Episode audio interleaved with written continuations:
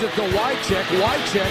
That looked like a forward pass. Madden is on the field. He wants to know if it's real. They said yes. Get your big butt out of here. Hello? You play to win the game. Hej och välkomna till veckans NFL med Mattias Olsson, Lasse Thorman och idag också Rickard Olsson eh, där eh, vi faktiskt ska dra igång vår lilla draft special den här, eh, med det här avsnittet. Men vi kommer såklart inleda och snacka en jäkla massa om Free Agency. Vi har ett fullspäckat avsnitt idag Lasse. Ja, du sa att vi skulle försöka hålla oss lite kort och så att vi ska snacka jäkla massa om free agency. Du, eh, ja, eh, vi ska försöka täcka hela free agency och vara hyfsat kortfattade så vi kan börja prata om draften. Men, men eh, ja, det stämmer. Det blir mycket på kort tid så kan man säga. Jajamän. För det har ju varit eh, hur mycket nyheter som helst och eh, sen ska vi också prata quarterbacks idag som kanske många tycker är en av de mer intressanta eh, positionerna såklart när det är draftsäsong. Men även fast det kanske inte är den absolut hetaste QB-gruppen vi har sett på de, ja, vi har sett bättre år om man säger så. Men vi ska komma till det så småningom. Men som sagt, vi har med Rickard också idag. Välkommen till podden Rickard. Hej, hej, tack. Äntligen, jag tänkte att ska jag behöva Ska jag behöva ta över den här programledarrollen för att du inte välkomnar Rickard här? Men det, det var skönt att du gjorde det. Det är ingen gäst. nej, nej, men... Jag satt och försökte vara tyst när ni pratade om att ni skulle hålla er kort, för jag vet ju hur det brukar bli i den här podden. Eh, och som en tredje person så kanske det tar ännu längre tid. Men eh, det ska nog gå bra. Ja, det tror jag också.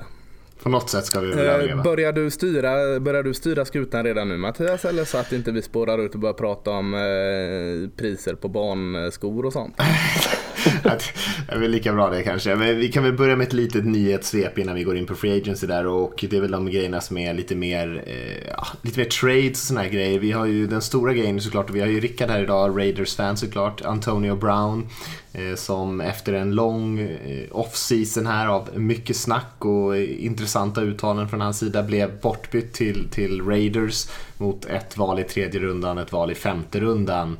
Eh, och så fick han ju också ett nytt kontrakt. Så det är ett ganska billigt pris för Raiders ändå. Eh, kanske blev man lite mer orolig de senaste veckorna här över hur, eh, hur det står till med Brown egentligen, men spela kan han ju. Absolut, det här är ju ett jätte, för Raiders är det ju ett jättebra eh, inköp av talang. Eh, och sen, ja visst han har varit lite galen, men han såg väl ganska samlad ut på sin presskonferens här igår.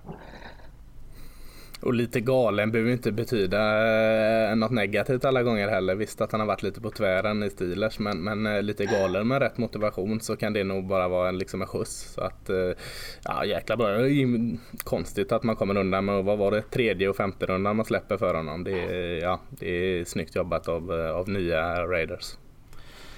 Ja, och mindre imponerande såklart från Steelers sida att man tappar en så bra spelare utan att få så mycket tillbaka. Han, eh, med alla hans, allt han hållit på med här så har han såklart sänkt sitt eget värde men om man nu visste att man skulle byta bort honom så kanske man skulle ha varit lite tidigare med det. Jag vet inte, vad kan man ha för förväntningar? Rika, vad har du för förväntningar på Brown i Raiders? Vad, vad kan han göra?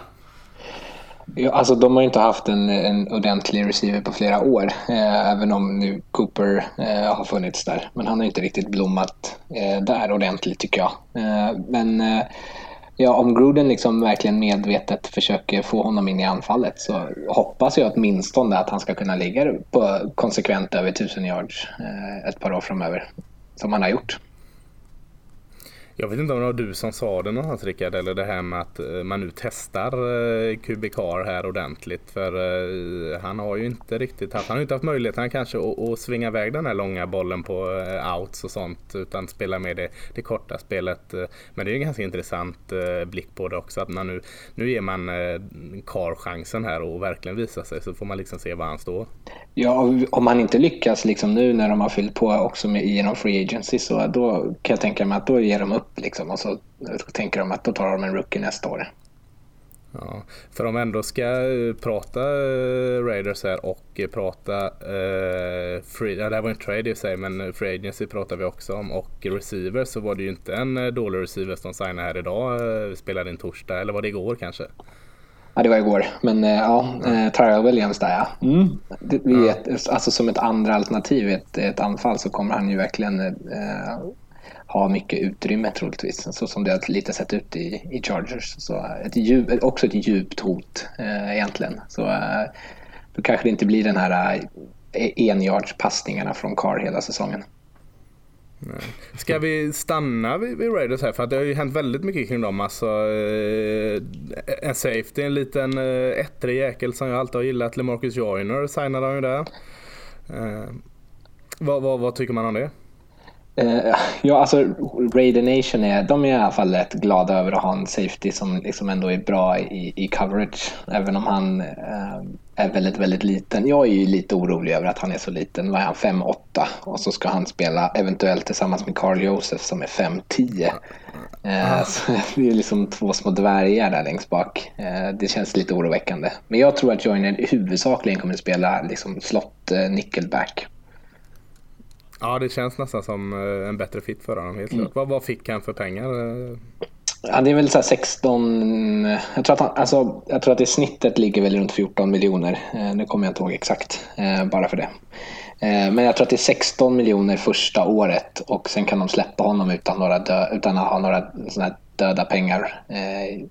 Så första året är liksom en koll för att se ifall det funkar och funkar det då har de honom sen för runt 14 i tre år till sjukt liten... pengar. Nu har, ju, nu har ju Raiders pengarna men, men är det inte det? Alltså, det har varit många safety som har bytt lag här nu och det jag reagerar på att eh, för en position som folk kanske säger att den är allt mindre viktig. De pengarna de hostar upp för de här safeties, nu pratar vi om Jonas som slotts möjligtvis men också det är sjuka pengar för, för safeties här hittills.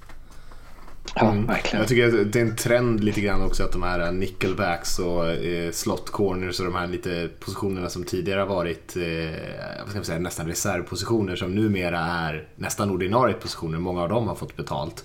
Eh, Joiner är en av dem som eh, vi har sett ett par mindre receivers också få ganska bra betalt. Adam Humphries till exempel som är en, eh, den typen av spelare och även Cole Beasley som gick från Cowboys och, och ett par andra. Ja, vi har ju inte nämnt den, alltså den bästa eh, Brown som eh, Raiders nu har signat till sig. Trent Brown från offensiva linjemannen från New England Patriots till då Raiders. Måste du vara jäkligt nöjd med Rickard? Ja, eh, det behövdes ju en offensiv linjespelare. Jag trodde ju aldrig att Gruden skulle erkänna att han gjorde, gjorde fel med sina draftval förra året. Eh, så det är jag glad över. Ska de ge Carr en ärlig chans som sagt och kunna bomba djupt på Williams och spela djupt med Brown så behövs det ju. Eh, så det är jag väldigt nöjd över. Sen visst, det är dyrt.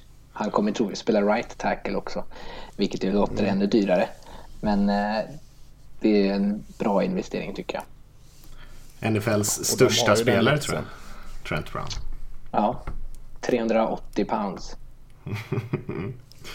det kan inte vara fel. Nej. Bra, bra värde per kilo då kanske man ska säga. right. Eller per pound för att vara amerikansk. Inte så dyr på, på dollarn per pound. Nej. Nej. Uh, nu Lasse, nu spårade du ur tåget lite grann men jag, ja. fattade, jag fattade ja. Raiders-vinkeln här. Men uh, nu tycker nu jag vi... Jag mm, nu går vi tillbaka till, till ordningen här för att uh, jag var inne ja. på lite trades där och vi har ju Odell Beckham Jr när vi snackade receivers där som också blev bytt till Browns från, från Giants lite, lite mer oväntat kanske. Det har ju gått lite sådana rykten men man trodde väl inte att de skulle gå hela vägen. De fick egentligen också, jag säger bara nu, tillbaka ett Browns-val i 70 det 17 valet eh, i första rundan från Browns och det 95 valet så fick de också eh, Jabril Peppers, deras safety också. Eh, men det var ju ändå ett ganska lågt pris tycker jag för en så fantastisk receiver som eh, Beckham Jr är och såklart som Browns-fan borde man väl vara väldigt nöjd med det här. Jag vet inte vad som är sjukast i den här historien. Att eh, Browns första val är så lågt som 17 eller att eh, Giants släpper Odell Beckham Jr. Eh, jo, det är klart att det är, det är jättekonstigt. Vad håller de på med i New York? Alltså, han verkade ju inte vantrivas att vara där och fanns ingen anledning att bli av med honom. Och ska man nu bygga om laget så varför bygger man inte om kring en relativt ung eh, stjärnreceiver? Jag fattar inte alls. Nej, skitkonstigt. Nej, nej, jag, håller, nej, jag håller helt med er båda där. Det är ju, eh, ja, det snackades ju väldigt mycket om att man hade lite problem med hur han har betett sig vid sidlinjen och sånt där. Men det är ju inga allvarliga grejer. Han är ju fortfarande levererat. Han, han har lite humör som, som många duktiga spelare har. Men liksom, kan man inte hantera det, då kanske man inte ska vara i NFL som coach eller sportchef eller vad man nu har för roll. Jag tycker det är helt eh, absurt att man släpper en sån fantastisk spelare. Och sen har man ju också nu, eh, ska jag ta tåget av av spåren här lite grann, så har man ju också valt att inte förlänga med Landon Collins, sin jätteduktiga unga safety som man också helt enkelt släppte iväg från Giants. Så två av sina absolut bästa jätteunga spelare eh, helt enkelt låter man bara försvinna ut ur huset utan att egentligen få så jättemycket kompensation för dem. Ja, nej det, det, det är väldigt märkligt och även om det skulle vara någon form av rebuild Eh, Eh, så är det inte så här man bygger om när man har två unga eh, stjärnspelare. Så är det väl för fasiken dem man behåller då och slänger ut eh, Eli och, och någon gammal trött offensiv linjeman eller defensiv linjeman. Jag förstår ju mycket mer den här traden av Oliver Vernon. Även att han kanske har kraft kvar så är ju han ändå uppåt nosar och 30 liksom och har ett stort kontrakt. Det förstår jag ju mer än det här. Det här förstår jag inte alls. Jag håller med. Vi hade ju en annan trade också som eh, inte är helt officiell än tror jag, men D Ford, eh, pass rushen från eh, Chiefs som har blivit bortbytt till 49ers mot ett andra val år 2020. Så fick han också en ny stor deal. Det är väl inte så mycket att säga om det förutom att D Ford hade ju ett jätte, jättebra år. Jag vet att du och jag pratat om honom många gånger Lasse under säsongen men egentligen hans enda riktigt bra säsong som han har haft hittills i karriären. Så han är väl lite en sån här one hit wonder. Men eh, man kan väl i alla fall nämna den i, i det här sammanhanget tycker jag. Tycker jag absolut. Jag vet Rickard var ju också ganska svag för DeFord så att eh, vi är en enad panel. Ja, framförallt så tycker jag det är konstigt att eh, Chiefs byter på, alltså släpper bra försvarsspelare. De har ju inga. Alltså nu var de eh, en bra, Mattias, din älsklings Tackle Jones där. Mm, eh. mm, mm. Chris Jones ja. ja eh, men jag är ett stort fan av D Ford också så det är lite trist eh, tycker jag. Jag håller med dig. De har inte jättemycket. Justin Houston går ju också. Deras mm. eh, också en väldigt duktig spelare fortfarande även fast han börjar verkligen komma upp i åldern men han är fortfarande väldigt duktig det är svårt att hålla den här tråden som de vill att ska göra när vi ändå liksom bjuder in på att de inte har några duktiga försvarsspelare. De eh, signade ju då eh, Tara Matthew från, eh, eh, vad nu han var sist, Houston var det va? Ja. Eh, men samtidigt släppte de ju eh, Eric Barry här så att, ja. Nej, det händer en del i Kansas också. Och Barry har ju varit lite in and out där lite, och inte mm. kunnat eh, leverera riktigt som man hade önskat såklart. Men eh, och eh, förhoppningsvis så är väl Matthew lite mer, han har ju också haft sina skadeproblem så det är väl inget säkert kort. Men han gjorde en väldigt bra säsong ändå för Texans får man säga när han tog det här korta kontraktet. Och nu fick han ett lite längre i alla fall.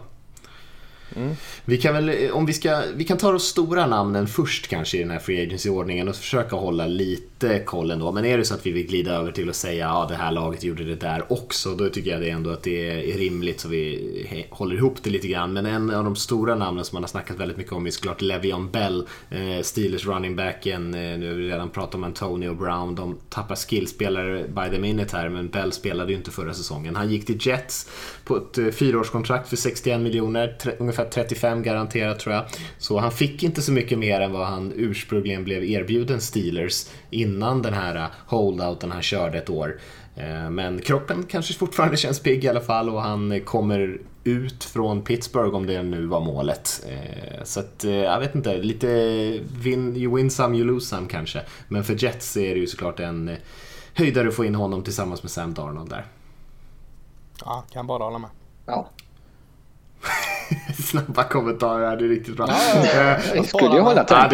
Ja, jag, gillar, jag gillar, jag gillar. Mm. Eh, om vi pratar Jets också så kan vi nämna att CJ Mosley, linebacken från Ravens, fick ett eh, femårskontrakt värt 85 miljoner med över 50 miljoner garanterat. Ett jättekontrakt för en linebacker oh. till Jets eh, som har varit väldigt aktiva under det här uppehållet.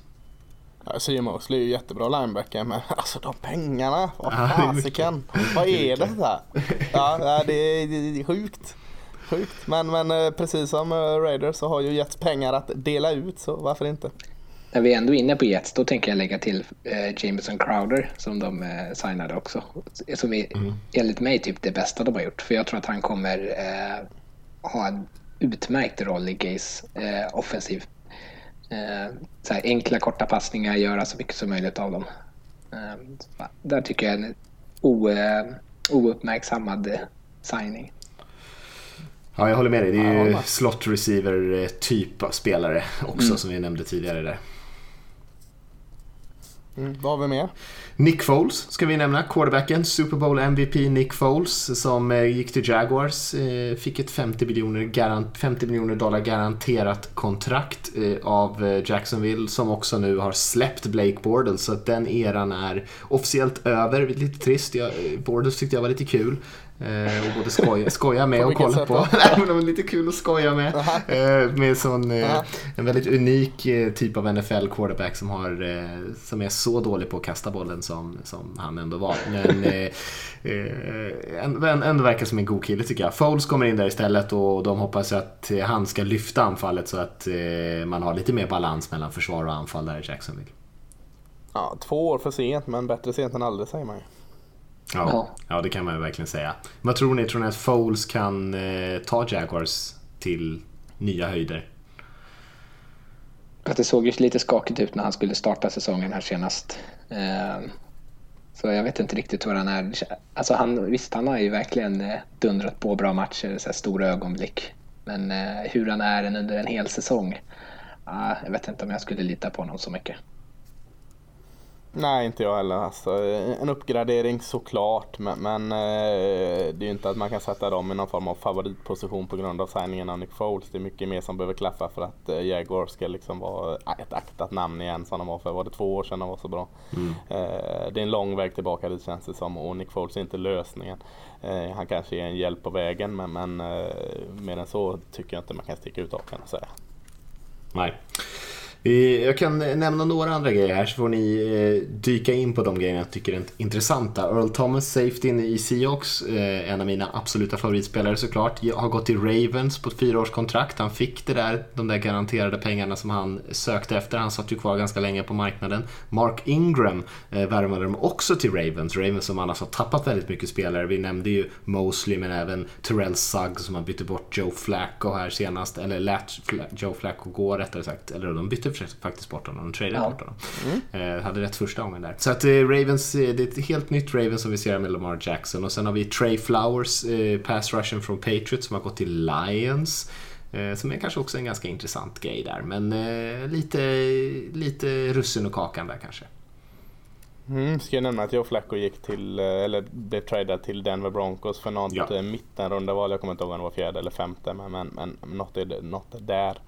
Eh, så det kan jag nämna också. Jag tycker det är bra. Så, Earl Thomas och Mark Ingram, svårt liksom att se något negativt i det. Visst man betalar mycket för Earl Thomas och en del för Mark Ingram också men inte så här hutlöst tycker jag. Så, så att, jag tycker Ravens som vanligt gör ganska kloka val när de signar till sig free agent. Mm. De saknar ju fortfarande receivers. Det känner jag med en viss oro inför. Nu tappar de ju till och med John Brown. Jag vet inte vem de ska Men har de verkligen någon som ska passa bollen då? Nej, det kanske de inte har. Mark Ingram har kommit som någon form av fullback till Lamar Jackson här. Så det, de kommer bara vänta så här sent in i free agency och drafta eller och plocka en massa receivers som är bra på att blocka och sånt. De, de är ju inte så heta på marknaden så att de har en plan här. Jag vet att du skojar lite grann men det är lite sant tror jag. För att jag tror att de verkligen siktar på att springa bollen något absurt mycket nästa säsong. De hade ju redan eh, Gus Edwards och några andra spelare som faktiskt har spelat bra för dem. Eh, och det känns som med Ravens att de har några saker som de, har, som de är extremt bra på. Och deras secondary eh, är ju det bästa i NFL. Eh, och nu kommer man säkert ha det bästa springspelet i NFL också. Men allt annat runt omkring där är ju liksom från med till riktigt dåligt. Eh, men lutar de sig på sina styrkor så kan man säkert vinna mycket matcher och gå till slutspel. Men frågan är hur långt man kan gå efter det. Mm. Ja, nej, det är spännande att se hur de formar det laget. Du nämnde mm. att Terrell Suggs har släppts. Då kan vi nämna att han eh, plockades upp av Arizona Cardinals också. Så får, så får vi det eh, bokfört. Mm. Riktigt bra. Riktigt bra. Eh, finns något mer intressant? Jag, jag, tänkte på eh, Malik Jackson gick ju till Eagles. Eh, en ganska bra defensiv linjespelare som kom från Jaguars. Eh, och eh, Eagles fortsätter att förstärka på den där defensiva linjen som redan har varit ganska bra men de eh, valde ju inte behålla Michael Bennett som spelade väldigt bra i slutet på säsongen förra året. och istället och han gick till? Oj herre, nu, nu gör de mig helt Patriots va? Patriots, det så? Nej, mm. är det så? Jo. jo. Ja. Intressant, ah, okej okay, det visste jag inte, det hade jag faktiskt missat. Det är bra att jag får lite breaking news här också.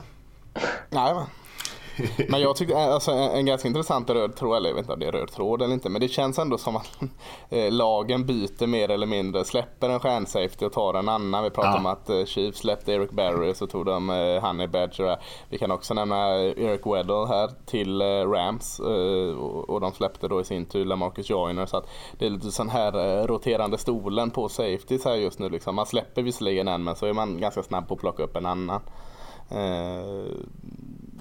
har jag noterat tycker jag att det är liksom safety-ruljan så in i helsike. Ja, jag håller med dig och eh, det där brukar inte alltid vara sådär superlyckat. Safety kanske är en liten annan, men jag tänker när vi ser den där typen av quarterback-karusell, för så är det ibland. Eh, Case Keenan byter lag, Ryan Fitzpatrick hamnar någon annanstans, Sam Bradford byter någonstans. Det brukar aldrig bli särskilt bra någonstans. Det är lite så jag tänker med Nick Foles här också kanske, att det är och du var inne på det, vad har han egentligen för tak? Hur bra är han över en hel säsong och sådär. Eh, en spelare som jag tänkte på var Quan Alexander, linebacken från eh, Tampa Bay som är en eh, speciell spelare, har väldigt mycket speed, eh, mycket highlight-spel och sådär men eh, kanske gjort, också gjort en del, del dåliga matcher. Fick ju väldigt mycket pengar av 49ers, som vi pratade om positionsgruppen som varit bra betalt, så linebackers och safety så kanske de här slott och nickel corners och receivers, lite, lite sådana grupper. Han fick ju 54 miljoner på fyra år. Mm. Eh, och det får man ändå säga är väldigt mycket för en spelare som ja, skulle nog ha svårt att kvalificera sig på en topp 30-lista av linebackers i NFL. Jag gillar ju Con Alexander visserligen men jag ser också hans svagheter. Han tacklar ju väldigt mycket så att det är dumt att säga att han har väldigt mycket missade tacklingar. Men det finns ju någon sanning i det. Alltså, ju mer man är vid hetgröten och tacklar tack. Alltså prata tacklingar det är ganska lönlöst att göra ändå. Liksom. Så, ja, han leder tacklingsligan. Vad, vad säger det egentligen? Eh, men, men, man kan nog inte kanske bortse heller från att han, han har missat en hel del tacklingar också. Eh, och det säger jag med att jag är en, eh, en, en Korn-fan. Jag, jag gillar honom, gillade honom redan i LSU och eh, har, har gillat han i ner så att eh, Men, men eh, fyra år för vad sa du 54 miljoner. Det är, ja, det är galet tycker jag. Mm, ska vi, alltså jag har inte så mycket mer här som jag tycker är superintressant. Ska vi, är det någon som ni har som ni vill lyfta upp som ni tycker känns som en intressant värvning innan vi hoppar vidare? Nej, känns som vi har tagit ja, Jag har ingen direkt. Du nämnde ju Case Keenum där, det är ju görintressant. Vi måste ju nämna, han är ny eh, QB för eh, Washington. Eh, är det hans tolfte lag eller? Ja, och den är sjukt ointressant. Men som du nämnde så säger jag att han är i Washington. Det är inte hans tolfte lag, men det är säkert hans åttonde lag eller något sånt där. Sjunde eller åttonde lag. Alltså det är, något, det är något otroligt i alla fall. Han har varit lite överallt. Ja. Nej, det, det kanske inte finns så mycket mer att säga. Nej, vi kanske ska hoppa vidare där. Det kommer väl, bland de stora namnen som finns kvar så är det ju faktiskt inte så många. De flesta har ju redan blivit signade. De hade ju den här legal tampering period i början på den här veckan. och I mitten på veckan så blev det officiella deadlinen då man fick börja eh, signa spelare. Så att eh, de stora rök ju tidigt. Vi har Justin Houston som vi nämnde, pass rushing från Chiefs bland annat. Ndama Kung Su, eh, fortfarande ingen kontrakt. Eh, och ett par andra spelare men, eh, men de flesta stora namnen har faktiskt gått. Mm. Så vi hoppar vidare helt enkelt till det som eh, kanske blir inledningen på vår lilla, eller lilla, det blir ju ett par eh, rejäla avsnitt om NFL-draften 2019. Och eh, idag ska vi prata quarterbacks, men vi kan väl börja ta en liten övergripande koll på det.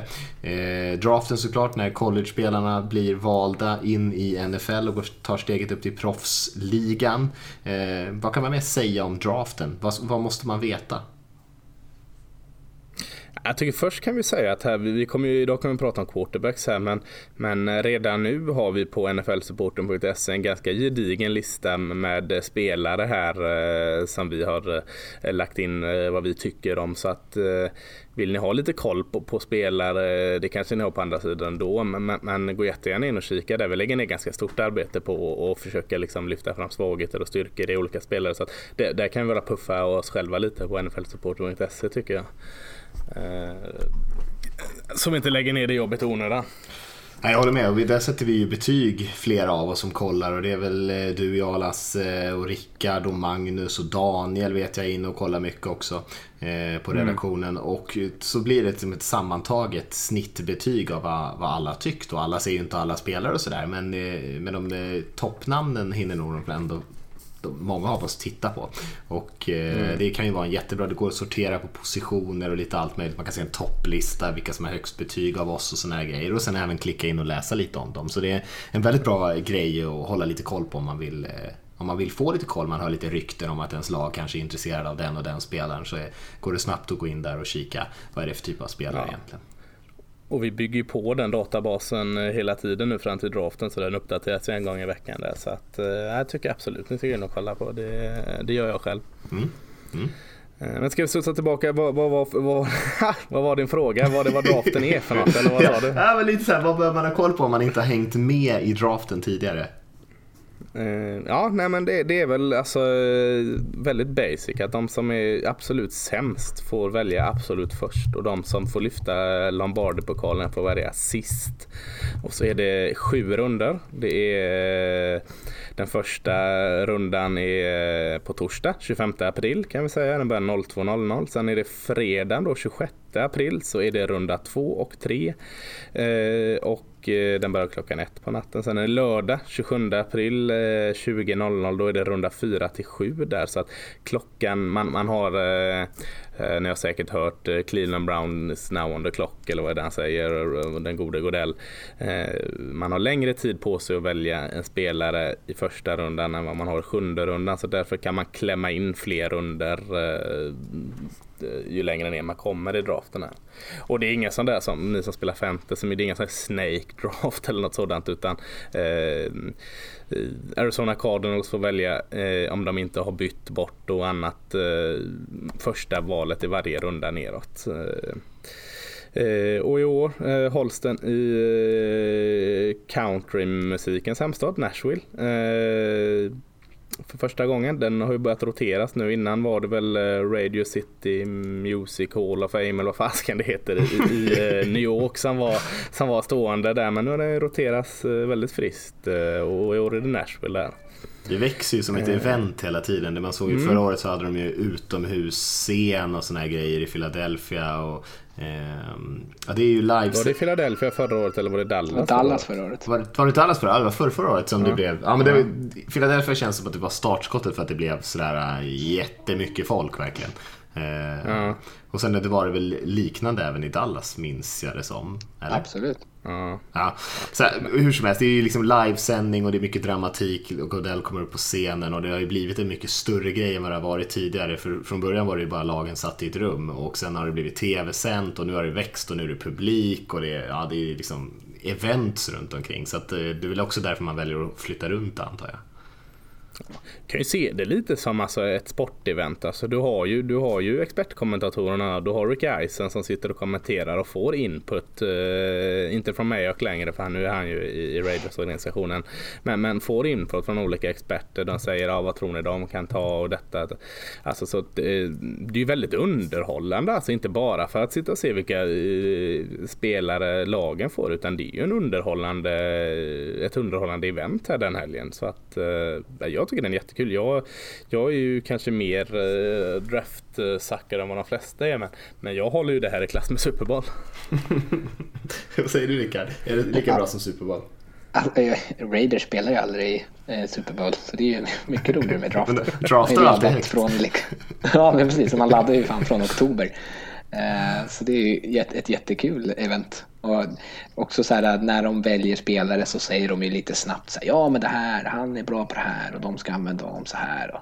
Så det är, man får ju ganska bra, liksom snabb inblick i vilka typer av spelare som ens lag har tagit. Äh, det är svinroligt. Ja, och drama är det ju alltså. Det är ju, mm. alltså, det är ju Falcon Crest slängde i väggen alltså. För att det är alltid någon som inte plockas och så börjar det eh, snackas. Varför tas inte han? Varför faller han draften? Vad är detta nu? Har det kommit ut något foto på Instagram? Och så, och så är det de här eh, X antal spelare blir inbjudna att vara på plats här. Eh, och så är det alltid diskussionen vem, vem får sitta kvar längst och vänta tills han namn, till namnet kallas och sådant. Så det, det är ju dramatiskt så in i helsike. Det är fantastiskt. Det är Eh, popcornskålen fram och, och, och bara njuta. Verkligen och vi har haft ganska mycket trades högt upp i draften de senaste åren och sånt där och det är ju alltid liksom eh, ökar ju på spänningen bara att det blir så. Nu när vi har en del, en del quarterbacks och lite annat men eh, inte så många kanske så kan man ju tänka att det blir huggsexa om dem som, som lagen gillar. Och eh, det bidrar kanske också ännu mer till spänningen. Rickard, om du ska sammanfatta den här draften lite grann eh, som vi har i år. Vad är, det, är det en bra draft? Vad finns det för styrkor i den? Vad finns det för svagheter i den? Vad, vad säger du om 2019 års draftklass? Ja, nu får ni rätta mig om ni tycker att jag har fel, men eh, stark eh, defensiv linje liksom. Många riktigt bra eh, försvarsspelare. Eh, ganska tunt på cornerbacks. Ganska tunt tycker jag på linebacker. Det finns två stycken riktigt bra eh, och sen är det ganska eh, lama spelare därefter. Eh, ett stort kluster av eh, stora eh, receivers. typ samma typ allihopa känns det som bra topp, bra djup på tight end sådär. Eh, och en del spännande inside-offensiva eh, linjespelare. Mm, jag håller med om mycket. Eh, defensiva linjen som du säger först, där är ju värt att säga först för det är verkligen där den sticker ut. Det är en, det är en väldigt stark defensiv linje. Jag skulle säga att den är, är riktigt fin på insidan av defensiv linjen och håller ändå hög klass på eh, defensiv end eller edge rush eller, eller i alla fall toppnamnen där var, vad det väl att kalla den. Tight end som du säger tycker jag är också ovanligt bra. Eh, jag, jag, är inte med på linebacker men det är ju aldrig för att jag, jag har sådana oerhörda problem att inte bli såld på minst 30 linebackers eh, som jag skrev på min lista. Det, det, är det jobbigaste jag vet med draften, att sålla bland mina linebackers. Jag, jag tror jag sållade så fick jag ner till 40. Eh, så att eh, jag, jag, är, jag är fel där helt enkelt. Men, men jag tycker också quarterback svag, svag draft. Vi kommer komma in på det om en liten stund. Secondary tycker jag också är svag som du säger, cornerbacks där. Running back ser jag ingen riktigt heller som är sådär wow. Eh, vi har, haft, vi har varit lite bortskämda här nu med running back som har gått högt. Ser jag inte riktigt hända i år. Kanske väljs någon i första men jag kan inte riktigt styrka det. Så att eh, nej, nej det, det, jag är med på mycket. Ja, intressant. Jag eh, har inte samma bredd hittills som ni har så jag kan faktiskt inte säga så mycket om styrkor och svagheter sådär. Men eh, quarterbacks har jag sett rätt många, särskilt eftersom vi ska prata om dem idag. Eh, vi kanske ska dyka in där direkt. Om man jämför med tidigare år så tycker jag att det är en ganska svag grupp som ni redan har varit inne på. Det saknas väl framförallt kanske riktiga toppspelare tycker jag. Eh, den spelare som jag har högst upp i på mina betyg i år eh, hade absolut inte varit högst upp i fjol eller kanske de flesta år ens. Och eh, efter den spelaren så, så blir det riktigt svagt tycker jag och det är ont om quarterback som egentligen kanske är värda att gå, ens gå i första rundan. Eh, det kanske tar bort lite av stjärnglansen i draften kan jag tycka, för quarterbacks är ju det som det snackas allra mest av. Men det finns ändå ett par intressanta spelare som absolut skulle kunna bli riktigt bra, det ska man ju veta här. Vi pratar ju om eh, alltså, vad vi ser och vad vi tror. Och vad man, men man vet ju aldrig riktigt vad som kommer hända med en spelare. Det kan ju utvecklas väldigt mycket och eh, ja, förändra sitt spel på många olika sätt och bli en väldigt mycket bättre spelare än vad de är just nu. Så, vad, vad säger ni om, om årets quarterback-grupp? Jag tänkte bara innan vi, gottar ner oss i den här quarterbacken och eh, gruppen och, och har rätt och fel och hitan och ditan så tänkte jag att det är lite försvunnit ur, eh, den här podcasten med frågor och jag tänkte att eh, nu när vi svepte igenom vad NFL-draften är och allt detta ganska snabbt så eh, välkomnar vi verkligen frågor från er. Alltså, har ni, alltså, är det någonting ni inte håller med om helt enkelt eller är det en ren fråga hur det funkar, någonting funkar i draften eller något prospect eller annat så eh, skicka in in en fråga, helst då på mail som jag kan in, inte kan adressen till, men den kan Mattias så du kan lägga in den där. Podcast nflsupporter.se Det känns som att du borde kunna Tänk lära att jag inte kan lära mig den. ja, det är otroligt. Vad sa vi? Podcast nflsupporter.se Precis, precis. funkar ju också i någon form av sociala medier skulle jag tänka mig. Men, men skicka in frågor gärna för att uh, vi tycker det är jättekul. Då får vi lite nya sätt att se saker och lite andra perspektiv. Så, så uh, det är jätteroligt för oss också. Jag håller med dig. Vad, vad säger du om quarterbacksen nu då? Uh, nej men jag, jag tycker att jag, jag, håller med dig där. Uh, det är, jag tycker det är en svag grupp. Uh, och då får man ju då ställa jämföra till vad? Alltså ja, till de senaste åren så tycker jag det, det, är, det är en svag QB-grupp. Och, och, jag kan inte riktigt sätta första under betyg med, med min stämpel på. Nu betyder inte den ett skit. Men, men jag kan inte säga att jag ser någon quarterback som egentligen borde liksom vara låst för att gå i första. Nu nu kan jag såklart förstå att folk tar en quarterback i första för att det, eh, det kan vara värt att chansa på. Men nej, den är skral. Jag, jag tycker det är ett par spännande namn ändå. Eh, som är lite under de här som det pratas om mest. Som, som eh, jag uh, vägrar att släppa tron på. Men eh, nej, i helhet så, så är jag besviken är ett konstigt ord att säga eh, kring de här toppatleterna från college. Men, men ja, jag har inte för höga förväntningar på dem. Vad säger du Rickard? Nej, jag håller med. Det, alltså, det är ju, känns det som att det är flera stycken som är så här spännande men som behöver ganska mycket tid. Så om man jämför med tidigare år har vi haft många som har kunnat komma in och starta och gjort det väldigt bra liksom från dag ett. Och det känns som att de toppnamnen i år är liksom spelare som, det är en så jävla klyscha att säga det, att de behöver sitta ett år. Men det är verkligen spelare som har tydliga brister i sitt spel som liksom bara kommer exponeras när de kommer in i NFL. Mm. mm. Och, och, för att ytterligare förtydliga här då med, med vad Rickard menar är att de behöver sitta ett år. Det är inte att de ska sitta och pilla sig i näsan utan att de ska stå på eh, och lära sig bakom och lära sig någon träning och, och, och grummas in för NFL i minst ett år i alla fall innan de går in. Så, så att inte någon tror att vi tycker de ska sitta på en stol och kolla på när, torr, eller när färg torkar. Eh, så, eh, men jag är helt med där. Vem vill vi börja prata om då? Eller ska vi börja hugga in om namn här?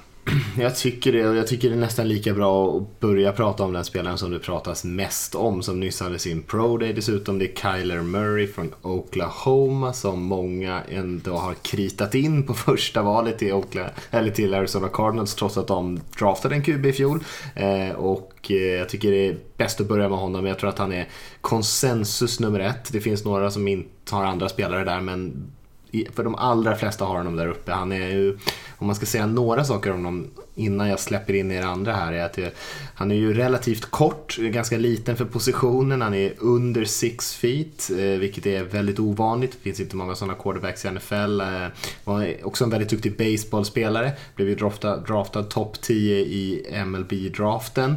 Eh, har både sprungit bollen och passat bollen i college. Eh, pappa var QB. Eh, farbrorn var baseballproffs, så att han har det där i familjen lite grann. Eh, väldigt, väldigt atletisk. Eh, men det här med storleken är såklart något som oroar rätt många. Mm. Nej, men det är, väl, det är väl en ganska bra summering kring honom. Eh, rolig notis här, han kommer från Oklahoma som, som du nämnde. Förra året valdes Baker Mayfield nummer ett, eh, Heisman-vinnare, kom också från Oklahoma. Kellen Murray Heisman-vinnare, kom från Oklahoma. Så att eh, de har något gott på gång där. Mm. Eh, han hade ju en vansinnigt fin eh, säsong här. Han har egentligen bara varit eh, startande QB ett år här, vilket också kanske kan sättas som någon form av frågetecken. Eh, jag har han också som nummer ett på min lista. Eh, inte för att eh, jag tror att han är eh, Baker Mayfield-klass. Jag höll Baker Mayfield högre förra året. Eh, nu säger han att han lagt baseball åt sidan. Det kommer också lyftas upp mot honom i frågor. Liksom, hur mycket eh, committad är du till fotbollen? Hur mycket gillar du fotboll? Det är en sån här fråga som de älskar att dra fram. Jag har aldrig riktigt förstått den frågan, hur mycket de gillar fotboll. Eh, om de har lagt ner större delen av sitt liv på att komma dit så gillar de det väl en del. Eh, men, men det kommer lyftas. Eh, han hade en ganska misslyckad session i Texas A&M innan han, han bytte och, alltså, i college och blommade ut i Oklahoma. Eh, och, och med Texas A&M så har vi Johnny Massell som kom från så att eh, alltså det här är en blandning mellan, mellan Baker Mayfield och Johnny Massell och vi vet inte än vilken, vilken, eh, vilket håll det lutar åt, vet inte jag i alla fall. Eh, som Rickard sa här med att det är många spelare som är mer talangen. Jag tycker Kalle Murray kanske är mer talang än färdigprodukten. Det går inte kanske att sätta innan dag ett även att det kanske blir så. Atletisk, väldigt atletisk, mobil, kreativ, mått Foten som du säger är, är emot honom men såg lite bättre ut när, när de mätte in honom på combinen då. Eh, där han inte gjorde så mycket annat. Han var inte, kastade ju inte, gjorde inte ett skit. Han var där och, och mättes in och pratade lite. Eh, stark arm. Eh, tycker han är ganska bra, eh, bra löd i armen men ja, träffsäkerheten kanske inte riktigt alltid där. Tekniken. Mm. Eh, jag vet inte en, en svep över Kalle Murray så får Rickard gå in och, och eh, sätta sin signatur på honom tycker jag. ja, avsluta allting. Eh, nej, men han är väl superspännande.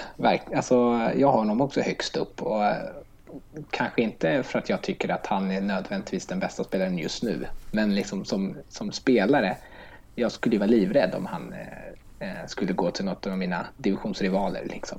Eh, för han, det känns som att han skulle kunna bli helt fenomenal. Men han kan ju också bli världens liksom, boom.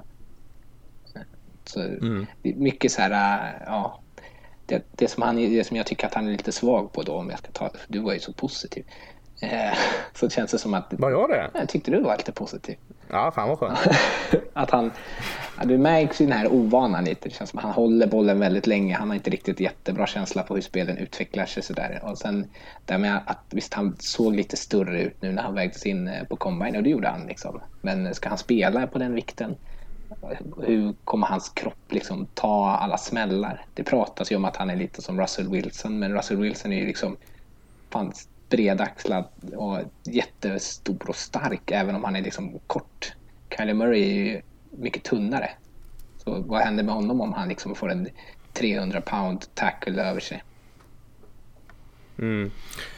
Jag håller med. Ja, jag håller också med. mycket av det ni säger är ungefär vad jag har sett också där. Det är klart att alla de här flaggorna som ryker upp ibland kring quarterbacks så Murray har ju nästan allihop på mm. samma gång, vilket är väldigt läskigt. Han är liksom storleken, som Lasse sa, den har bara startat ett år. Uh, det är jätteläskigt eh, i college att liksom det skulle vara en sån här one-hit wonder-kille. Eh, spela i ett system som är väldigt snällt får man säga. Baker Mayfield kom från samma system, men det är mycket öppna receivers, det är ganska mycket Eh, han hade en jättefin linje framför sig också. Ja, en duktig, bra protection, mycket talang i hela laget egentligen brukar de ju ha i alla fall. Eh, och sen har han en, en hel del grejer som är, som är ganska häftiga. Han har ju en bra arm som ni säger. En, eh, syns att han är väldigt naturlig med bollen i händerna både som, som runner och som kastare. Syns lite att han har den här liten baseballbakgrunden. Alltid liksom i balans att kasta bollen. Tycker han rör sig väldigt bra i fickan också. Kanske lite väl aggressiv ibland, kastar ofta in i coverage, lite ojämn i accuracy och beslutsfattande och såna här grejer. Eh, så att jag ser en ganska bra spelare som skulle kunna, precis som säger, Rickard säger där, bli väldigt, väldigt bra. Men det finns väldigt mycket som oroar och hade det varit en bättre klass så hade han troligtvis inte varit här uppe i toppen och, och svävat.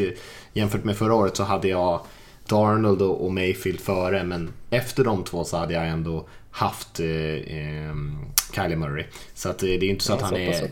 Ja, och då hade vi ändå tre till QB som gick i första rundan förra året. Så att eh, QBs kommer ju alltid puttas upp. Så att, eh, jag har inte superlågt betyg på honom, men det är ju det är ganska läskigt för en, för en nummer ett-val, det skulle jag säga. Ja, alltså, han är en spännande playmaker helt klart. Jag tänkte bara på innan vi släpper honom här och jag är långt ifrån en expert på när det kommer till hur man liksom, eh, tolkar en kubisk teknik i, i kaströrelsen och fotplanteringen och sånt. Jag försöker men, men jag är ju inte experten där än. Men, men jag tänkte på just att han, den här baseballflörten hans kast känns ibland lite så. Jag är än mindre expert på hur en, en pitcher ska kasta i baseball. Men, men, men eh, det kändes lite alltså, som en pitcher i baseball. Hans kaströrelse jag tyckte jag kändes väldigt, väldigt lång och, och inte på, och det tror jag är något negativt eh, vill jag få fram i det. För att eh, den kändes lite onaturligt lång där och eh, det var bara en notis jag la in med den här eh, baseballhistorien i bakhuvudet. Så att eh, ja, vi får se. Mm. Eh, ska vi lämna Kylie Murray där? Vad, för han, tror ni att han går nummer ett? Nummer ett, ett, ett, ett. Alltså Cardinal ett. menar du eller? Ja. ja. Eh, nej. Ja, jag tror det. Ja, det är intressant i alla fall. Det är ett kontroversiellt val på många, många olika sätt. Eh, vi kan väl göra så att vi går eh, lite grann i, runt ett varv så kan vi turas om att välja lite spelare som vi tycker är intressanta att lyfta. Eh, så eh, Rickard, du kan väl ta oss vidare med någon, med någon intressant spelare. Uh, ja, okej. Då tänker jag, då tar jag Drew Lock som jag tycker är uh, en spännande spelare. Kanske inte den som jag anser är liksom strax under Murray, men uh, ett spännande spelare mest för att han har den här stora starka armen, en skön quick release och liksom han kan kasta från lite olika typer av armvinklar, förlänga spel vid behov. Han påminner ju väldigt mycket om Derek Carr, eh, så det är svårt för mig att inte liksom... Jag har skrivit Stafford, Matthew Stafford uh, påminnelse. Men det kanske, de kanske påminner om varandra också. Ja, nu är just armvinkeln och sådär kan jag för sig se Ah. Stafford-grejen. Carr känner jag mer typ att han har förmågan att kasta ganska många djupa bollar. Han lägger liksom snygga eh, bollar ut mot sidlinjerna. Men eh, när han blir pressad så släpper han tekniken helt och hållet. Eh, då tar han jättedumma beslut. Helt- plötsligt försvinner så här. Han ser inte eh, linebackers eh, när han kastar liksom crossing routes. Eh, och sen så slarvar han med fotarbetet och kan bollen hamna lite hur som helst. Eh, sådär. Men ja, det känns som att får han liksom en stabil offensiv linje eh, då kan han eh, vara jättebra i ett system. Mm. Jag tycker det är ganska intressant med Drulac här eh, om jag ska kolla bakåt innan jag kollar framåt här. Alltså, eh, 2017 var han helt fenomenal i Missouri eh, rent statistiskt. Alltså han satte upp jättefina nummer, hur många TD som helst passade till. Sen förra året hade han ett jättedipp rent statistiskt men det kändes ganska tydligt att han jobbade på saker redan 2018 för att förbereda sig för NFL. För han gjorde saker som han inte riktigt var trygg på och övade och övade och övade in dem. Så jag vet inte om det var någon form av medveten taktik för att han blev också bättre under årets lopp men hans statistik dippade väldigt så eh, en ganska intressant notis där att han redan började jobba på det under sitt sista år i Missouri i college. Eh, kanske inte alls var så, kanske bara var så en känsla jag hade men, men det kändes verkligen som han började förbereda sig för NFL redan sitt sista år i, i Missouri. Eh, men, men som du säger, väldigt stark arm. Eh, kanske lite väl hypad ibland tycker jag, men, men eh, stark och fin. Och också som du säger, jag har skrivit upp snabb, fin release. Lång och ståtlig, stabil tycker jag också man måste nämna. Ja, jag är med dig på väldigt mycket som du säger. Jag tycker också att han, så fort pressen kommer så blir det en helt annan spelare. Eh, och, och framförallt hans pricksäkerhet försvinner helt då och han blir någon form av eh, Hail Mary-gunslinger ibland och bara tjottar iväg den. Eh, så han måste kunna kontrollera sitt spel lite mer, det blir kyligt, ta en förlust när det behövs. Eh, eh, Eh, men jag tycker hans teknik eh, överlag ser fin ut. Han känns trygg och säker när han får stå lugnt i fickan och, eh, kan även rulla ut när han behöver det. Men, upp med jämnheten lite och, och, och sitta och, och studera lite mer på hur han ska hantera och läs, plocka upp pressen. Eh, eh, Ja, jag, jag vet inte riktigt vad jag ska placera honom bara liksom i ett, i draftperspektiv och, och eh, vad, hans, vad hans tak är. Eh, det tycker jag är svårt. Det kanske du kan eh, Mattias hjälpa med. Jag ser honom lite som några av de här, ett av de här projekten som vi nämnde i början där. Alltså, han behöver nog lite tid som du säger. Han, eh, trots som du säger med statistiken där så har han väl ändå på något sätt blivit bättre på en del saker som många hade lite Mm. Ja, men det är det som frågetecken är kring. så spännande. För han är, är ju ojämn. Eh, särskilt under press som ni är inne på. Då kan det bli, bli väldigt orolig och fötterna blir en enda röra och han kastar bollar vid sina receivers fötter eller rätt in i coverage och såna grejer. Eh, men har han tid så kan han se helt fantastisk ut ibland. Han har ju en otroligt fin deep ball ibland med riktigt fin touch på. Eh, men det är svårare med de här korta kasten som, som måste vara lite mer precisa. Han gillar ju mer att bara slunga iväg den liksom. Eh, tycker han är lite sådär, fått rätt mycket bollar nedslagna på linjen och sådär lite slarviga grejer som att han inte riktigt har koll på sin omgivning. Eh, men mycket fysiska egenskaper som många kommer gilla som sagt. Men jag tror att som han är just nu så kommer det bli väldigt svårt med hans ojämna accuracy att, eh, att kasta in bollar liksom mot eh, bra man-man försvar i NFL. Jag tror att det skulle bli väldigt mycket turnovers och sånt där. Men, eh, men det är klart, det finns lite att jobba med där. Eh, men eh, ja, det, det är lite av ett projekt. Mm. Ska du gå vidare med någon mm. ny lirare Lasse?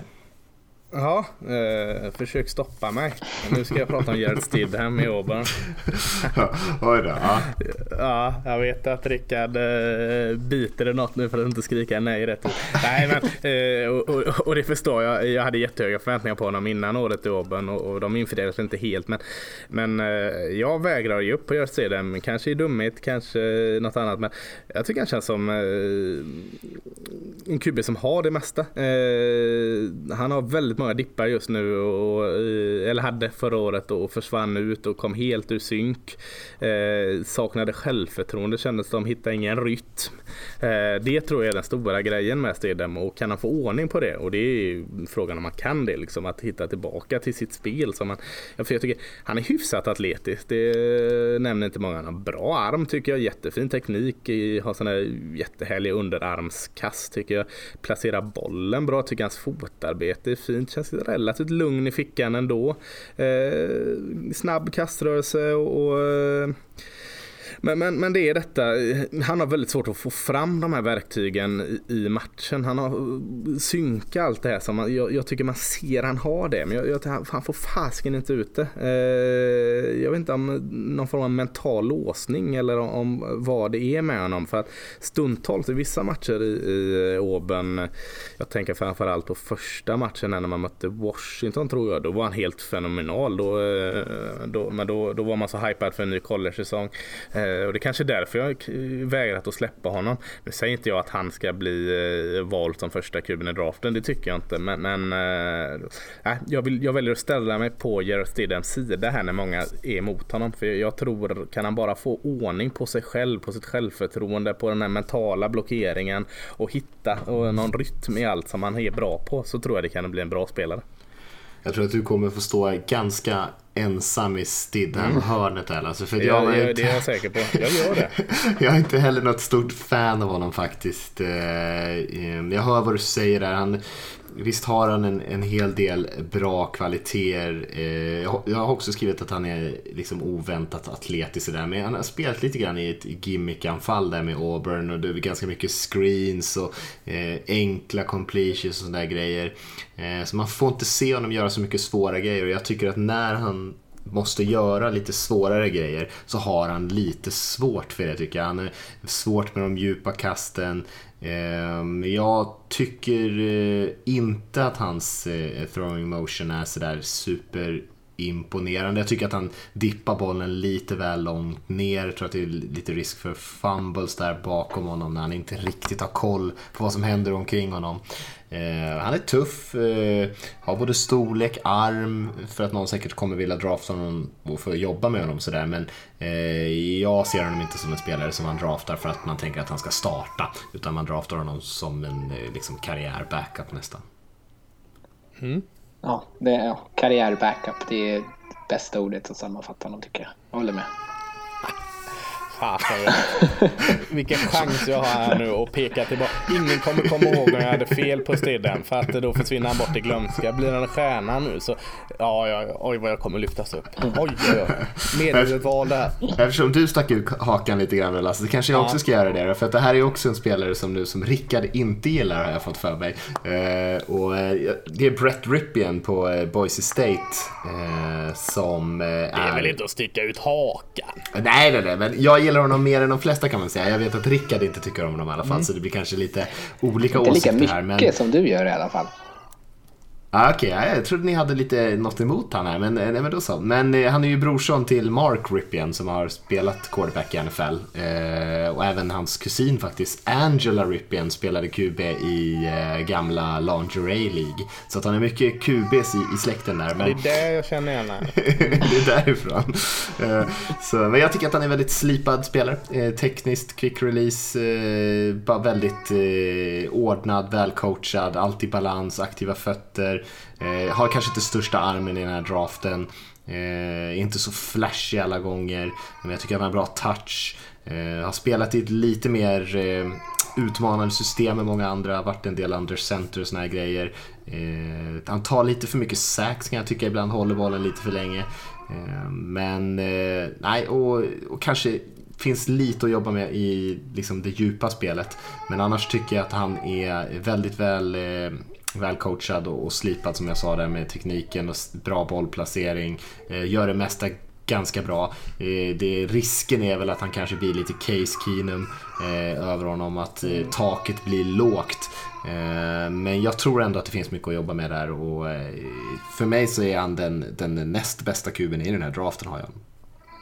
Mm, jag kanske skulle säga att jag hade Jerry Stidden som, som trea i min ändå så, så att vi håller siffrorna där. Eh, Brett Ripien, jag har han i någon form av hög av femte bästa. Där har jag väl eh, ett tjog med spelare, eller på att säga. Eh, men jag håller med mycket du säger. Jag tycker det du sa, snygg release och fin touch, det ser man ganska tidigt. Det tycker han eh, verkligen har. Eh, en klassisk eh, pocketkub. Tycker bara att han kör ett medel på väldigt mycket. Kanske har den bästa passteknik av alla quarterbacks året Jag tycker den är väldigt finslipad. Och du högg lite honom här på det djupa spelet köper jag inte riktigt. Visserligen han har ingen monsterarm men jag tycker han har bra precision på, på, den, på den längre passen vilket många av de här andra inte har. Eh, en som vi kommer in till senare här som eh, bra precision på medel har det inte alls på långa. Det tycker jag Brett Rippen har. Eh, ingen powerarmen har han inte. Han är inte så mobil och inte så atletisk. Men ändå tillräckligt för att kunna röra sig i fickan tycker jag.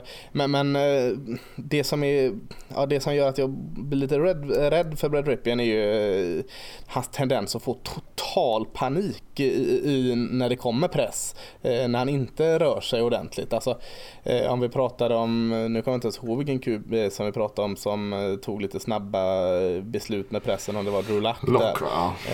ja här är det totalt liksom tryck på den stora röda panikknappen när det kommer någon. Alltså, han kan mer eller mindre bara blunda och kasta bollen rätt upp i luften. Alltså inte eh, neråt plan utan rätt upp liksom som en flaggstång.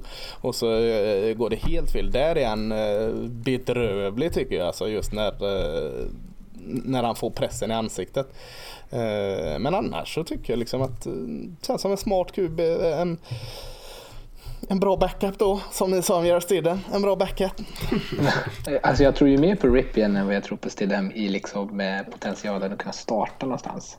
Men eh, alltså, jag håller med att ge teknik, alltså tekniskt superfin. Men eh, så här, folk applåderar för att han är så stark och tuff och modig i fickan. För att, och så här, han tål att ta en del smällar. Men för, han vet ju inte vad fan vem som kommer.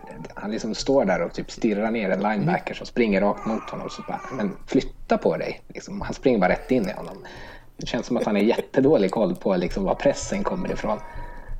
Uh, så, och sen så, alltså, bollplacering är ju verkligen, det var ju det jag skrev till dig Mattias när jag tittade på någon match, om det var mot Oklahoma State och hans få, två första passningar är liksom ja, minst en yard ifrån sin receiver. Och så där är han ju, liksom, blandar och ger jättemycket och det ju, går ju inte att lita på en sån spelare på plan. Alltså det jag har sett tycker jag han har sett ganska träffsäker ut. Men, ja, jag håller faktiskt med dig. Jag tycker också att hans bollplacering är ganska bra. Men, eh, för jag såg också den Oklahoma State-matchen och, och, några till. Men eh, jag tycker han ordnade upp det och gjorde en, en rätt bra match i helhet. Men det är klart, jag, jag håller med dig om de där första spelen. Eh, känner jag ju igen som du nämner. Men Nej, jag tycker inte det är något större problem för honom egentligen. Snarare så eh, mer orolig för eh, ja, hur hur högt han kan komma, hur bra han kan bli eh, med vissa begränsningar som han har kanske. Ska också nämna det att han har faktiskt eh, under förra året här blivit bänkad en del matcher i Boise State. Nu tror jag det har mycket att göra med att de hade en andra QB som var eh, väldigt, väldigt effektiv med fötterna som springande QB. Så det kan ha mycket att göra med att de ville ändra pace på matchen där. Men, men nämner det bara. Mm. Rickards tur att ta någon spelare. Ur hatten.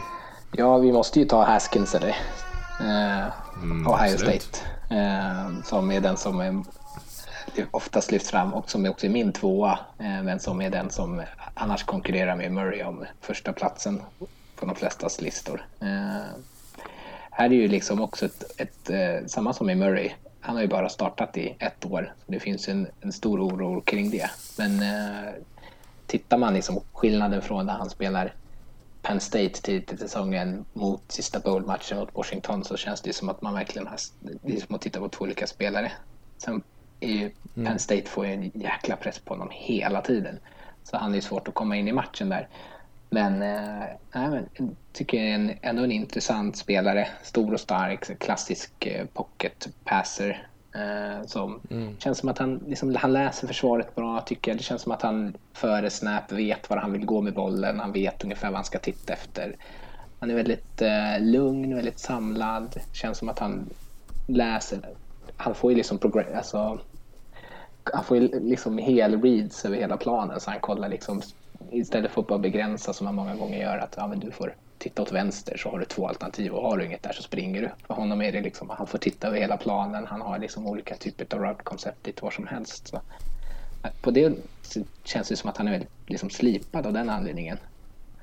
Eh, men sen, ja, du är, jag antar att det var Haskins du var inne på där Lasse när du pratade om någon som var bra på det korta och det mellanspelet och sen helt mm. ut och cykla på det djupa. Eh, där ja. är ju verkligen en del bollar som man undrar hur fan, hur kan han missa så här mycket? Eh, vilket är konstigt. Ja, och han hade ändå 70 procent tror jag i pass completion. Ja, jag såg det också. Att, eh, Ohio State såg hans brister ganska tydligt och lät han passa den mellan 5 och 15. Det är ju väldigt lätta, alltså det systemet är ju extremt eh, quarterback-vänligt får man ändå säga. Alltså det är ju väldigt mycket screens, väldigt mycket crossing routes och sådana grejer. Han passar ju för 50 touchdowns sin enda säsong som han spelar och det är ju bara sex spelare Nej, som... Nej, det gjorde han inte. Gjorde han inte det? 50 touchdowns kan han fan inte ha passat för. Jag tror han passar för 30 touchdowns, vilket är bra det med. Vad fan har jag fått det ifrån? Nej, 50 touchdowns låter helt orimligt. Gjorde han det så är det ju helt grymt. uh... Ska du googla det här live här nu? Ja, 50 touchdowns. 50 touchdowns. 50 gjorde han det? Ja. 50 touchdowns, 8 interceptions. Det är bara 6 QB som någonsin har gjort det. Passar för 50 touchdowns. Eh, ja, så, nej, att, så att den enstaka säsongen han gjort det så, så var jag ganska imponerande. Men, eh, jag tänkte ja. 30 touchdowns hade varit grymt. Men ja, det, då går det verkligen inte att vifta bort hur eh, produktiv han var. Nej, och det är ju bara 14 Nej. matcher då. De har ju räknat in slutspelsmatcherna då också. Så att det, men ändå. Och Ohio State var inte slutspel då heller, så de har en ballgame. Det var 13 matcher. Ja, se, se, se. Ja. ja, det är imponerande. Eh, jag håller med mycket i, i det Rickard säger. Dwayne Haskins har alltså som min tvåa eh, här. Eh, han är jäkligt vass. Om vi säger att han är väldigt, eller mindre bra på de, på de långa kassen så är han ju jäkligt bra på de här korta medel 15, 5, 15 upp till 20 yards kanske. Och, och, och det är ju där man använder honom då. Han Eh, han har ju armstyrkan tycker jag, men inte alls samma process i sin rörelse och jag tycker alltså att eh, och med den processen gör det att hans träffsäkerhet helt försvinner så det är ju 50-50 bollar där när det blir den längre. Rickard sa också en tydlig pocketpasser. Eh, känns som han har behov av en ganska bra linje framför sig för mm. inte allt för mobil tycker jag inte han är kan fastna lite i fickan ibland. Så, eh, jag tyckte det var intressant att du sa det att han läser bra, han läser gärna sina reads bra och så. Han är inte som, som tidigare och High State Quarterbacks var att läs första, andra och sen spring. Så är det ju verkligen inte. Eh, jag kan också vända det kanske lite emot honom för ibland tycker jag det känns som han tar lite väl lång tid sig på att scanna planen och välja så att eh, fasken var inte så petig, ta en liksom. Alltså att ibland kan han stå nästan liksom som att eh, vad fasken händer, i spelet avblåst eller nej, Haskins står fortfarande och funderar på vem man ska passa till. Eh, det, kan, det kan både lyftas som en svaghet och styrka. Hans tålamod är imponerande men ibland måste han veta, ha den här klockan i sig att nu måste jag släppa den. För i NFL kan man inte stå och gnaga så länge för det har du hungriga jäklar som kommer och vill ta det. Eh, ja, starta ett år i college som du sa. Eh, är alltid lite läskigt men, men eh, också som Rickard sa, jag tyckte du sa väldigt mycket bra om honom där. Så att från match 1 till sista matchen, så vilken utveckling han hade under det året. Det, det måste man lyfta fram för det var fantastiskt. Eh, men han känns som en sån där klassisk QB. Skulle väl passa jättebra ett West Coast mm. offensiv antar jag. Alltså där man spelar med lite kortare pass och screens och annat. Där någonstans ska man pilla in han känner jag. Ja, jag håller med om mycket det ni säger. Jag håller inte riktigt med dig om, eh, om eh, hans beslutsfattande där Lasse. Jag, ty jag, jag tycker att det, hans stora styrka är väl egentligen att han är väldigt bra pre-snap, väldigt bra på att eh, identifiera vad försvaret gör och vad han själv ska gå med bollen. Så kanske det inte supermycket variation i vad, vad Ohio State gör i sitt, eh, sitt passanfall, det vet jag faktiskt inte. Men, eh, jag tycker att han ofta identifierar var han ska gå med bollen och sen när, när han går igenom sina reads så gör han det ofta ganska fort. Sen eh, så kan han ju stå ibland, eh, han hade ju väldigt bra blockering. Men eh, jag tycker ändå att han är väldigt eh, beslutsam när han gör och att han kommer ganska snabbt igenom sina progressions på ett sätt som man inte alltid ser i college QB, särskilt inte eh, unga spelare som inte har startat så mycket. Så att eh, visst har han väldigt mycket positiva egenskaper och en stor atletisk, bra arm. Men svårscoutad. Jag tycker att det är, precis som många college-system, det Eh, jag sa att det var ett quarterback-vänligt system där det är liksom väldigt mycket enkla passningar. Han gör inte jättemycket svåra grejer för att komma över 70% och kanske passa för de här 50 touchdownen som vi pratade om där. Då. Så eh, det liksom bara flyter på för att de har eh, eh, mycket bra runt omkring honom där. Så det gör honom väldigt svårscoutad just, just för att han bara startat ett år också. Men jag har honom bara en poäng efter jag hade Ripien där så att det, han är tvåa, trea någonstans hos mig också. Ligger där uppe just just för att det, det finns ändå ett högt tak i honom. Men eh, ja, chansning helt klart. Mm. Eh, ska jag nämna en då som vi måste nämna som har pratats om i toppen, Ryan Finley. Eh, North Carolina State, eh, tidigare Boise State, där Brett Ripien är ifrån.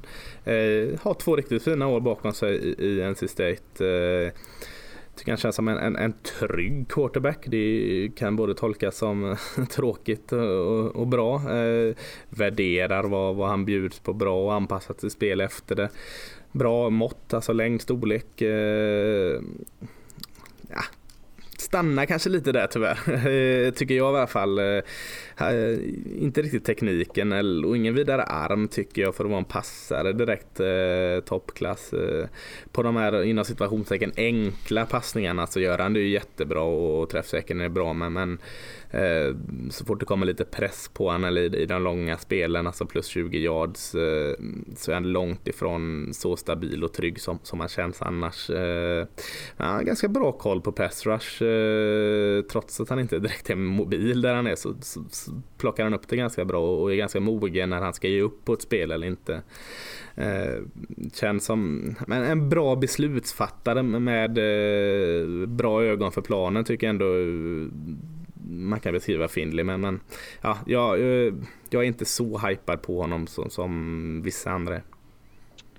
Han är ju sådär, ah, han är ju en tråkig spelare liksom på något vis. Han är den här game ja. managern men som ändå kastar lite interceptions och dumma bollar. Men han är mm. liksom raka motsatsen till typ en spelare som Murray. Det, liksom, det finns inget sexigt i honom överhuvudtaget. Nej. Men jag kan tänka... Trygg QB sa jag det för att inte vara så elak. Ja. Han är en trygg QB. Det är tråkig osexig. Jag kan tänka mig som så här, tränare. Det finns inget sex i den här killen.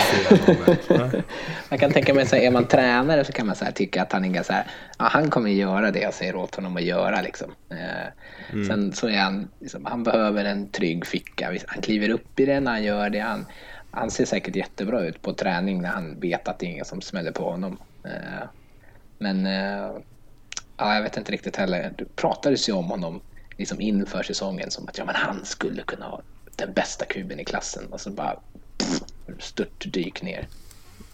Mm.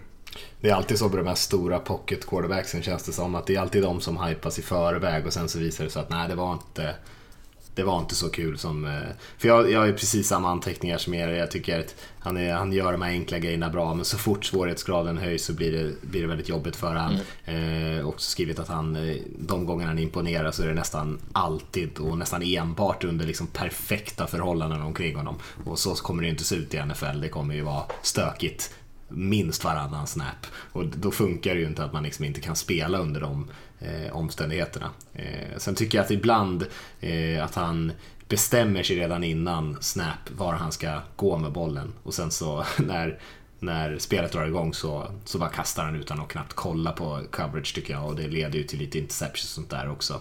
Eh, inte något stort fan av honom, jag har honom ganska långt ner och ser inte någon startande QB i honom direkt. Nej. Uh, någon QB som du ser som startare som du vill ta upp då?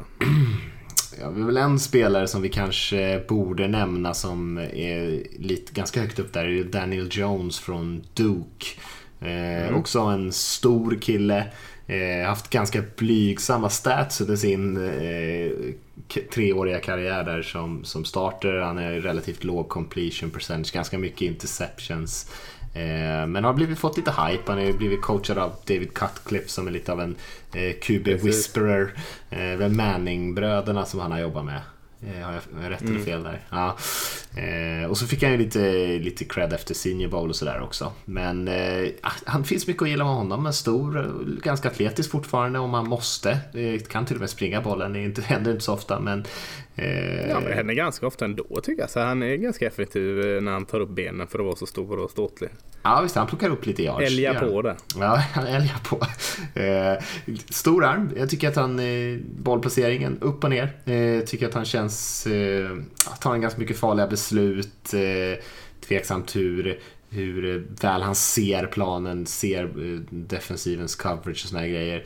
Eh, han har ju varit i ett volymsystem om man kan säga det, där han har fått passa bollen väldigt mycket och de grejerna han känner sig bekväm i, det gör han bra. Eh, de grejerna som eh, där någonting ändras eller han måste anpassa sig eller någonting mm. blir lite högre svårighetsgrad, då, då är det inte riktigt lika bra. Jag tycker inte han har jättebra touch på sina bollar heller. De här ut mot sidlinjen när man ska fejda lite över en linebacker och sånt där. Det blir lite jobbigare för honom. spelat väldigt mycket ur shotgun. Han är inte dålig. Eh, jag ser kanske också en typ av game manager-spelare som har lite atletisk förmåga. Eh, men inte riktigt det här framtidsnamnet där man känner att liksom, ja, det här, den här killen skulle jag bli taggad om, om mitt lag draftade. Det är liksom inte riktigt man, det är lite så här, äh, okej. Okay. Mm. Ja, jag är inte riktigt så. Jag tycker det är jättesvårt att, att, att, veta vilken fot jag ska stå på när det kommer till Daniel Jones. Alltså, jag tycker han är betydligt mer spännande än vad Ryan Finley var. Eh, mm. Säger ju inte så mycket såklart eftersom Ryan Finley var oerhört eh, tråkig. Men, men eh, man kunde lätt placera honom i det facket. Jag tycker det finns ändå lite, lite att jobba på med honom som liksom kan leda till någonting. Eh, mycket av det du säger stämmer ju. Stor, ståtlig, stark arm. Helt okej träffsäkerhet och jag tycker bra springa med bollen. Eh, känns som han, han uh, har hyfsat bra koll i fickan och känns väldigt lugn när press kommer. Eh, igen är jag på här att han är lite, lite för lugn alltså, och tar lite för lång tid på sig. Nästan som man går på någon sån här uh, hostmedicin som gör att man blir lite sömnig ibland känns det som. Att, att han är så jäkla lugn liksom. Nu kommer den i ansiktet på dig för fan gör något. Uh, det i kombination med en, en, ganska trög release tycker jag uh, sätter jag emot honom här och, och precis som det du säger det, det håller jag som hans stora svaghet där när han måste eh, ändra sig när någonting händer efter snap liksom som, och han måste ställa om. Då verkar det vara liksom som att det är ett sån här eh, pingpongbord i huvudet på honom bara eller eh, apor som spelar symbol eller något. Då verkar allting bli meltdown på honom där liksom. Han, han fattar inte vad han ska göra så att väldigt svårt att anpassa sig när någonting händer efter snap. Nej, jag håller med. Alltså, hade han inte sett så liksom ut som en prototypisk quarterback i shorts och t-shirt så hade, hade ju inte pratats om honom så här mycket. Nej, så mycket, så mycket tydliga svagheter känns det som. som eh, jag har svårt att se hur han ska liksom kunna komma över. Det känns som att han så här, stirrar ner sina eh, wide receivers alldeles för mycket också. Men sen, man kan ju liksom, jag förstår ju att man ger honom lite så här, det är den här klassiska, men han är stor och stark och ser ut som han skulle kunna spela quarterback. Så hittar man ursäkter. Man så här, ja, men hans receiver de tappar en del bollar. Känns inte som att han har någon bra connection där. Liksom, hur, hur, vad kommer pressen på ifrån i fickan? Är han känner han sig trygg bakom sin linje och såna grejer? Eh, men ja, känns det som när man verkligen tittar noggrant på honom så känns det som att det är så mycket fel som eh, jag har svårt att se hur han ska kunna komma över.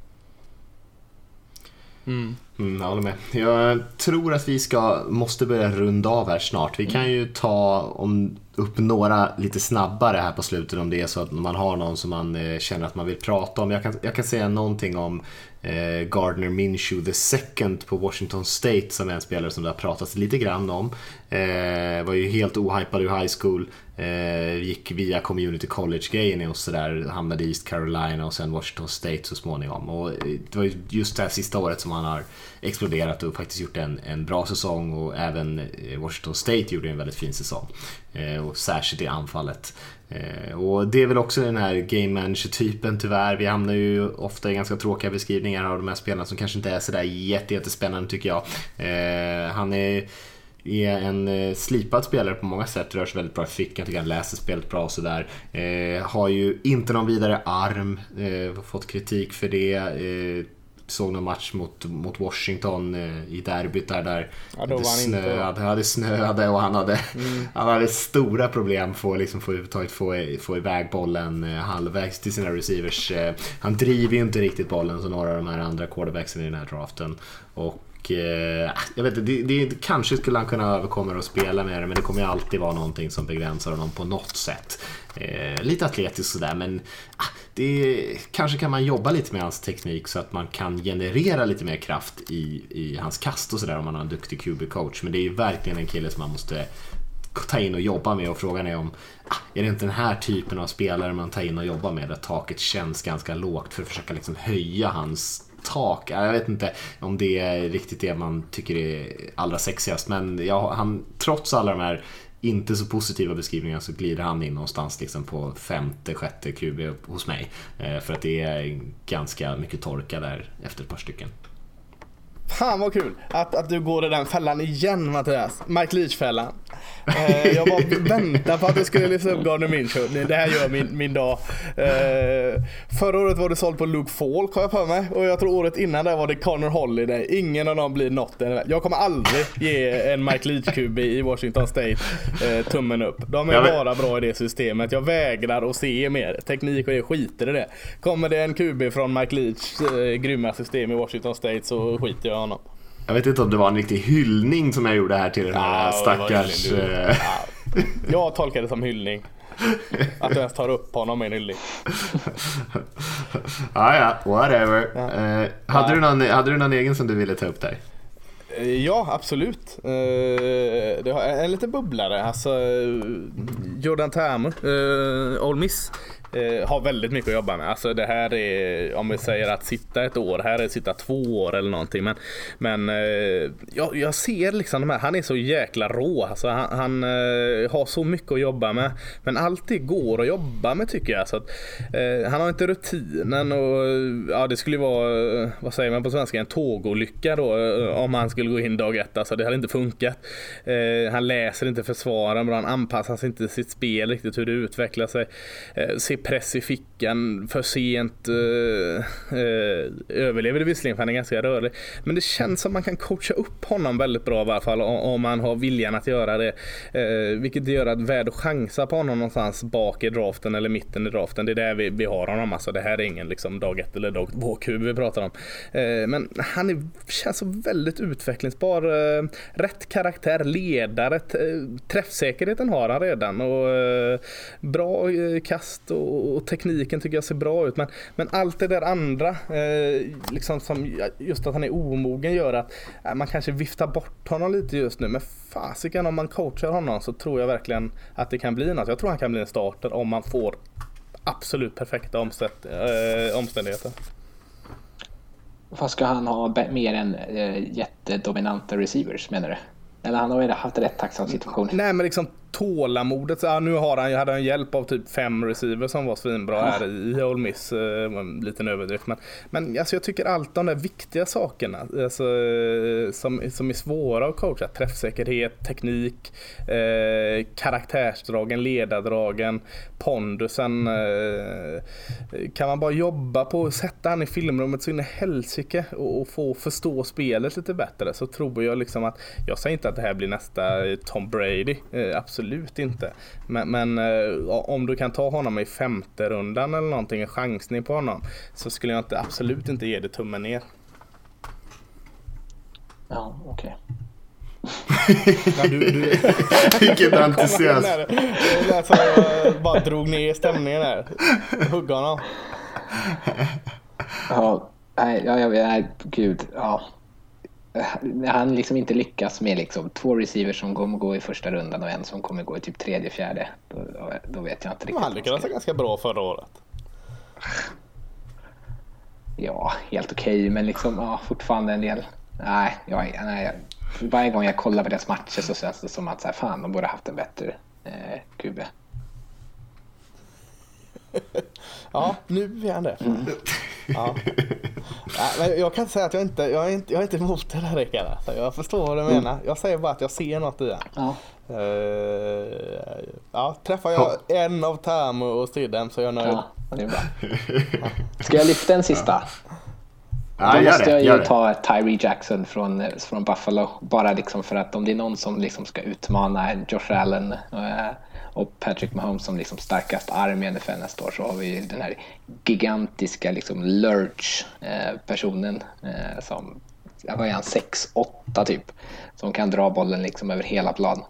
Och han har ju ändå så här, ah, visst, han är långt ifrån eh, redo att starta. Jag tänker mig så här, så stor och så stark och snabb fortfarande också. Och han har imponerat ganska mycket tycker jag. Liksom, eh, Senior Bowl såg han inte så här förskräcklig ut som man tänkte att han skulle göra. Utan han passade in. Han var ju nästan, han såg ju minst lika bra ut som Locke gjorde där. Eh, på Combine så var han ju också en av dem som liksom var kanske stadigast ändå. Eh, så överraskat positivt liksom, i den här draftprocessen och liksom en stor arm. Vad mer kan man behöva? Det är, allt man Jag behöver vill, i ju så gärna, jag vill ju så gärna ge igen på det här nu Rickard och bara ta en uh, suck. Men du älskar honom också, jag vet ju eh, Jag kan ju inte ljuga här alltså. Jag, jag ser också det du säger där. Alltså, liksom att är det någons aktie som har stärkt så är det ju eh, Terry Jackson eh, med sin fantastiska armstyrka och kombination med storleken där. Atletisk, mobil på den storleken. Liksom. Sen har han ju massa eh, varningar. Väldigt tveksam teknik och kaströrelse och sprider bollarna lite varstans. Och, Eh, behöver nog också sätta sig i filmrummet där. Men eh, det är ju något spännande med honom och, och precis som du säger, liksom, i Senior Bowl var han det stora utropstecknet bland quarterbacksen och, och lika så i Combine. Så att eh, det är helt klart spännande. Ska vi runda av med eh, varsin topp 5 kanske så får vi lite, eh, lite bukett på hela den här quarterback-diskussionen här. Jag kan eh, dra min här så kan vi gå ett litet varv här. Jag har Kyler Murray först där med lite marginal och sen så har jag Brett Ripien och eh, Dwayne Haskins, Drew Lock och Daniel Jones. Ganska tight men ändå med 2-3 poäng mellan dem allihopa på en 100-skala. Mm. Rickard?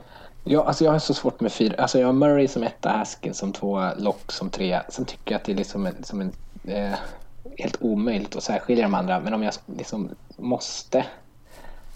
Ja, då måste jag. Ja, då säger jag. Och det är skitkonstigt. Men då säger jag eh, Finley fyra och sen Ripien femma. Ja. Jag, jag tänker bara säga tre. Ja. Nej jag skojar. Vad fan ska jag göra? Jag säger, jag säger en. Pest eller kolera? Ja, nej, men jag har precis som med Kelly Murray och Dwayne Haskins som etta och tvåa. Och precis som Mattias har jag ett glapp mellan Kelly Murray och Dwayne Haskins. Sen har jag eh, min Gerard Stidham som trea. Eh, jag har Drew Luck som fyra och femman här tycker jag är jättesvår eh, där inne som det är Rickard. Eh, men eh, för att välja ut någon så väljer jag ut eh, store ståtliga Daniel Jones bara för att han ser ut som en gubbe. Det är allt som krävs i den här draften. För det går ju lite... Ja, för femteplatsen är det mer eller mindre allt som krävs att du ser ut som en kubel. Ja, ja nej, men intressant. Det, får väl kanske nästan sätta punkt för quarterback-diskussionen där. Och eh, jag vet inte, vad vi, har vi funderat på vilken, eh, vilken grupp vi ska snacka om nästa vecka? Eh, stanna på offensiven gör vi va? Ja, på något sätt i alla fall kommer vi göra det. Ja, vi, jag tänker väl att vi kanske ska beta av för att hinna med alla grupper så måste vi nog beta av två nästa vecka. Eh, får se det men, men ska, vi, ska du bestämma då vilka jag pratar om Mattias? ja, vad skulle det kunna vara? Kanske lite receivers och running backs kanske? Eller kan man köra dem i samma? Kanske blir väldigt Nej mycket. det går ju absolut inte. Nej, nej. Nej. Re- vi receivers och tight ends då? så ge, Ja, receivers tight end det köper jag. Det kan jag Ja. köpa. Är du Ja, med på det- Rickard? Absolut.